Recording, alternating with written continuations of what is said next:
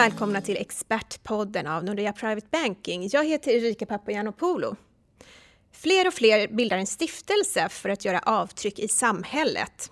Och det kan vara ett sätt att tacka för det man själv har fått i livet, men också en möjlighet att ändra på något som man tycker är fel. I dagens avsnitt så pratar vi om hur man kan engagera sig och påverka. Och därför har vi bjudit in eh, fyra experter på det här området. Välkomna hit! Tack, tackar! Kan ni inte berätta lite grann vilka ni är och vad ni gör här i Nordea? Ja, jag heter Jörgen Hassegren och jag arbetar som placeringsrådgivare för stiftelser, stiftelser och organisationer. Mm, Ylva Schullström heter jag och eh, jag jobbar på Nordea Private Banking som ansvarig för vårt filantropirådgivning och vårt erbjudande kring det. Och jag heter Ann Engvall och är familjerättsjurist på Nordea Private Banking. Och jag heter Ola Johannesson och jag är rådgivare inom filantropi just. Ylva, varför är filantropin egentligen så aktuell i den tid vi lever i nu? Jag skulle säga att det är tre faktorer som gör att det är, filantropin är högaktuell. För det första så kan vi konstatera en generell attitydförändring i samhället där både innovationer och entreprenörskap mottas väldigt positivt eh, och även bland privata engagemang för samhällsfrågor. Det är väl accepterat och vinner terräng. En annan faktor är att det finns ju ett omätligt behov förstås och efterfrågan av socialt stöd är stort. Och i kombination med att de statliga medlen har sina begränsningar så finns det ett gap som uppstår däremellan och det kan fyllas av andra initiativ. Och den tredje, som är en väldigt påtaglig faktor, det är ju medias ständiga rapportering i olika kanaler om de här händelserna i omvärlden som synliggör många av de kontraster som finns. Och då är ju det, detta någonting som gör att vi många vill agera. Och precis som vi på Nordea så finns det många kunder som känner att de gärna vill hjälpa till och därmed är alltså beredda att satsa en del av sina pengar, sin kunskap eller sin tid. Och varför gör man det här? Jo, man vill ju vara med och göra skillnad. Men hur gör man då om man vill engagera sig och påverka? Det finns ju många sätt, men, men det viktiga grunden tror jag är att eh, civilsamhället är en sån bärande del av samhället idag att det fungerar inte utan frivilligkrafter och utan att människor faktiskt bryr sig. Eh, om vi går tillbaka drygt ett år i tiden när vi hade den stora migrationsströmmen så visst gjorde Migrationsverket och de offentliga myndigheterna eh, stora insatser för den här anstormningen som kom. Men eh, själv åker jag mycket tåg och både på stationen i Göteborg och Stockholm så var det inte så mycket Migrationsverket man såg. Men Röda Korset, de var där dygnet runt. Frivilligkrafter, det finns en organisation som plötsligt kan mobilisera all den kraften och ta den här anstormningen och göra den insatsen. Det hade aldrig fungerat om inte vi hade haft ett, ett civilsamhälle som fungerar. Men berätta lite grann om Nordeas filantropierbjudande. Ja, vår tanke är ju att så som en aktör i samhället, som, som ett företag, så har vi också ett ansvar att ta del i civilsamhället och bejaka de krafter som finns och hjälpa då också framförallt våra kunder som vill bejaka positiva krafter. Och vår tanke med, med filantropi det är ju att kanske gå steget vidare till det mer traditionella eh, som handlar om stiftelser och stiftelseverksamhet. Det är fortfarande en otroligt bärande del av filantropin. Men vi måste också ta steget vidare. Ylva pratade om det här med digitaliseringen av samhället. Vi har en helt annan typ av informationsström. Det finns nya typer av, det finns crowdfunding, det finns nya idéer kring filantropin. Och vi vill ligga i framkant. Vi vill vara med och driva den processen till att vi som företag och även då våra kunder och hjälpa våra kunder att ta del i detta.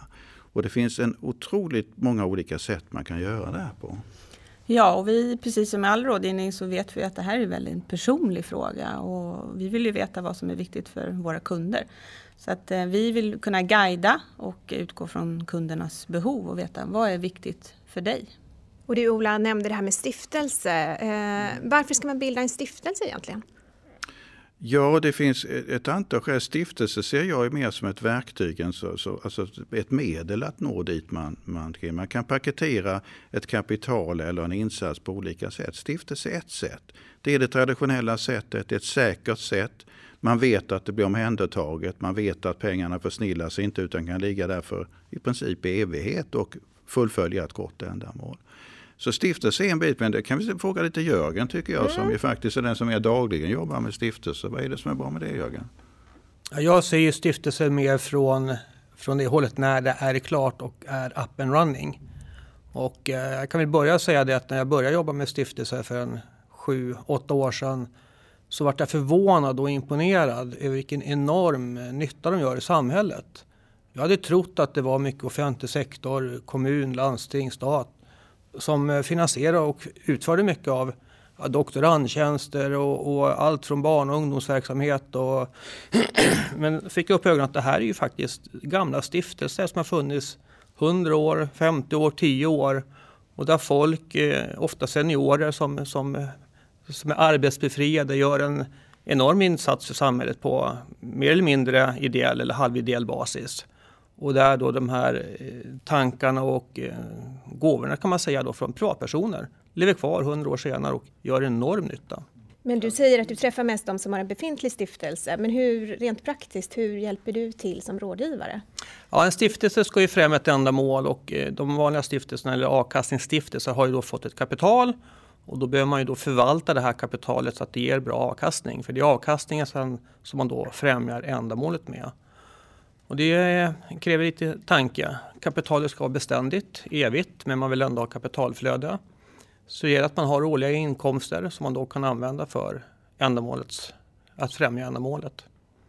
Eh, men man vill ju också att kapitalet finns kvar och gärna växer kanske då med, med, mark, med, med tiden och inte urholkas. Så det är lite olika dimensioner man får tänka på.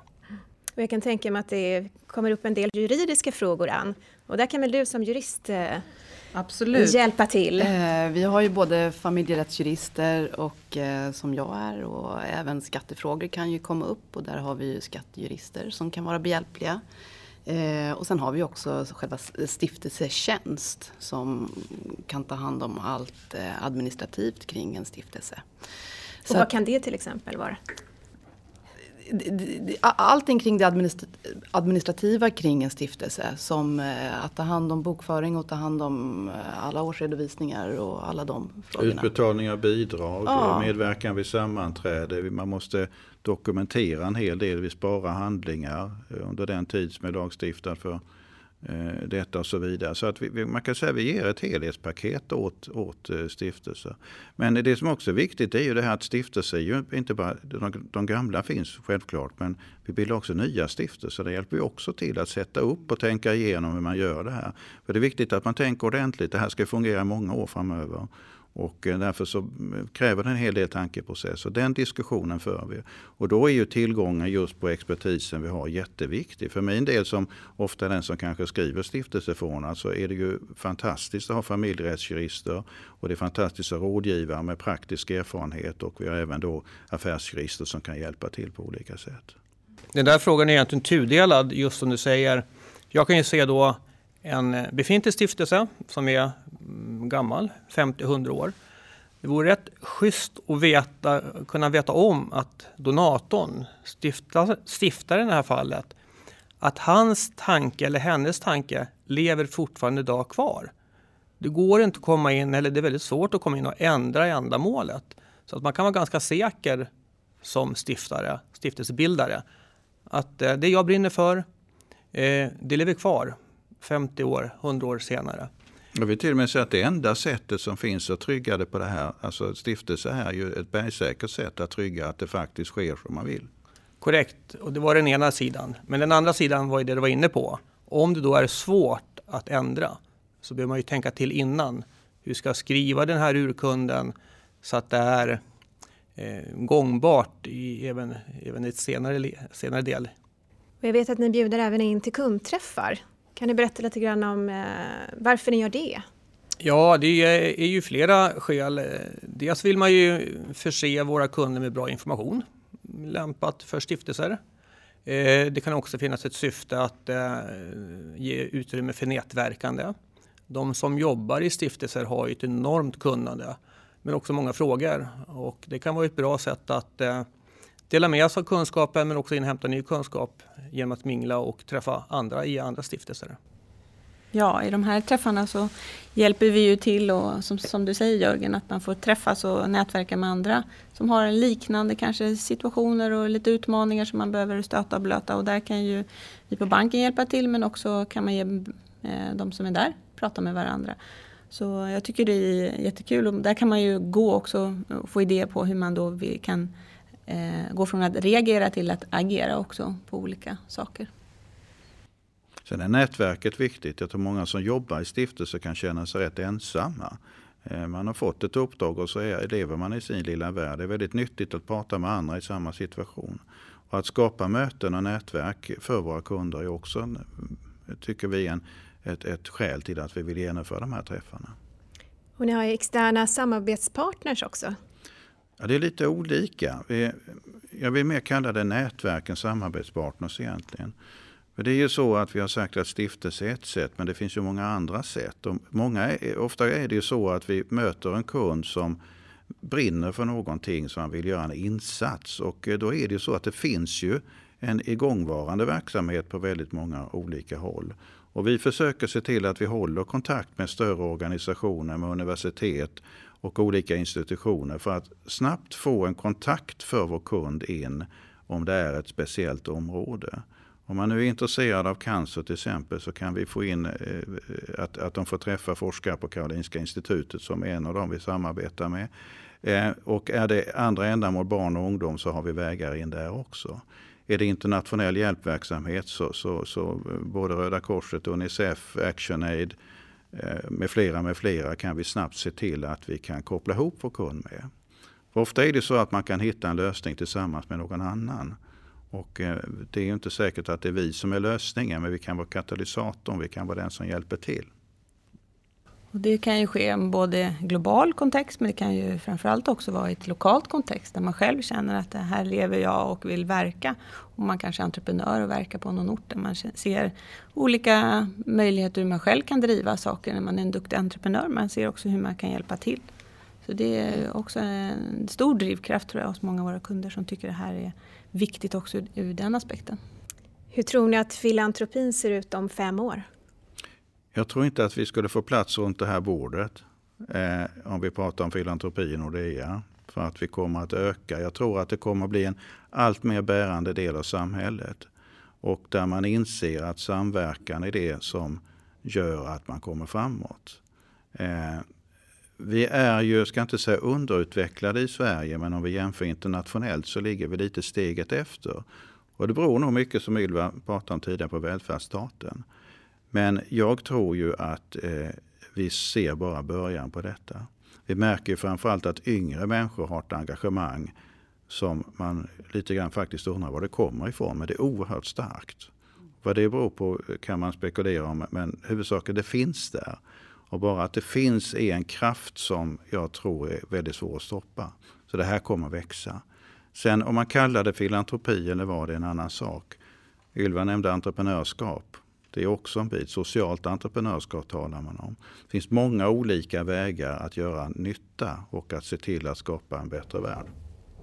Ja, vi hade just en sån här nätverksträff här tidigare i veckan och då var det så kul för det var just fokus på hur många av de yngre, då, hur engagerar sig de när det gäller just filantropin som man kanske av hävd tänker att det är, det är något traditionellt som har funnits länge och just stiftelser som har hundra år på nacken och så vidare. Men eh, icke, de här eh, yngre personerna vi träffade de var sånt drive och de var så taggade på att göra grejer kring det här. Så eh, fantastiskt roligt. Det känns väldigt väl inför framtiden. Det behöver inte bara vara att man committar sig med en påse pengar och att man sätter upp en stiftelse. Utan stiftelsen behöver ju sedan skötas under många, många, många år som jag har sagt. Och man behöver sitta i styrelsen, man behöver kunna ändamålet. Hur främjar vi det? Vi har en påse pengar vi ska förvalta och generera avkastning på. Hur gör man det? Någon behöver sköta det administrativa och, och kanske skriva protokoll och, och och så. Så att det finns så många olika sätt att eh, ta del och bidra. Och jag tänker också på att eh, när man pratar filantropi och stiftelse så eh, känns det i alla fall som det är väldigt stort, väldigt stora pengar och så vidare. Men jag tycker också att man ska tänka på att man kan ju också bidra i det lilla.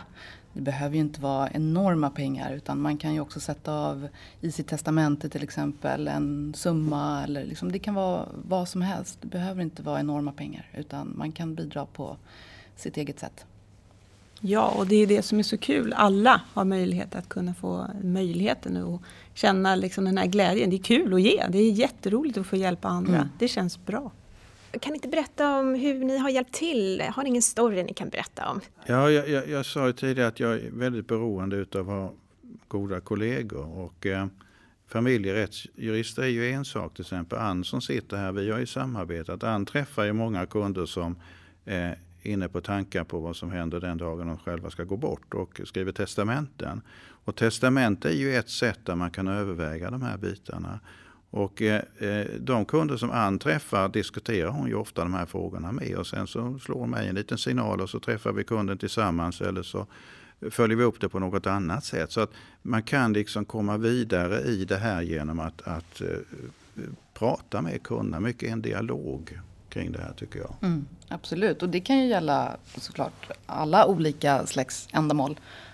Jag kommer att tänka på framförallt en kund som hade en dotter som hade en specifik sjukdom och då ville avsätta en större peng för att eh, ha en stiftelse just för att hjälpa de anhöriga till andra familjer som vars barn hade samma sjukdom. Det är liksom ett exempel på hur man då stödjer Eh, och det, det, men det kan gälla idrott, det kan gälla kultur, det kan gälla alla möjliga olika ändamål.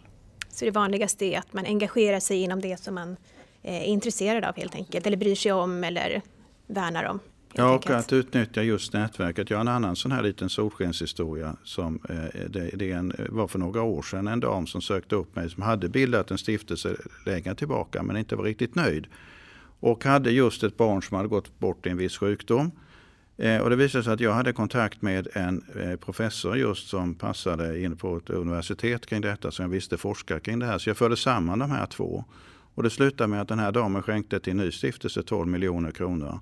Eh, som, och har då årliga träffar med den här institutionen nu och har visat sig att de kan ju möta hennes önskningar om forskning exakt.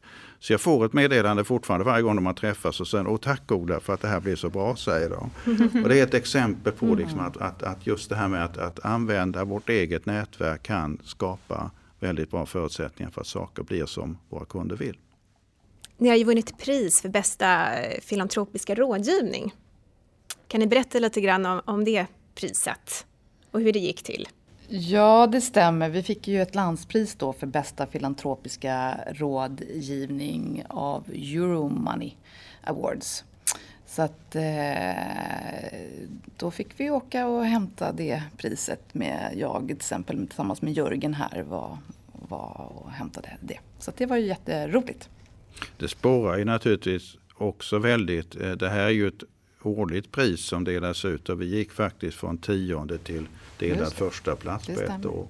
Och det är klart att det är ju ett kvitto på att det vi gör kanske faktiskt är rätt bra. Vilket gör att vi naturligtvis vill växla upp det här ytterligare. Eller vad säger du Ylva? Självklart, det känns ju verkligen viktigt det här eh, av många olika skäl som jag har nämnt. Så att, eh, det är roligt att vi får ett pris, som sagt det är ett kvitto naturligtvis. Men vi känner oss eh, det som en sporre och kommer naturligtvis jobba vidare och vi vet att vi kan bli ännu bättre. Då får jag säga tack för att ni kom hit idag och pratar om de här väldigt viktiga frågorna. Och det låter ju som att alla kan göra något och få känna glädjen och meningsfullheten i att kunna hjälpa till. Tack så mycket för att ni lyssnat. Nästa vecka så är vi tillbaka igen och har det här avsnittet väckt några frågor så får ni gärna mejla oss till expertpodden nordea.se.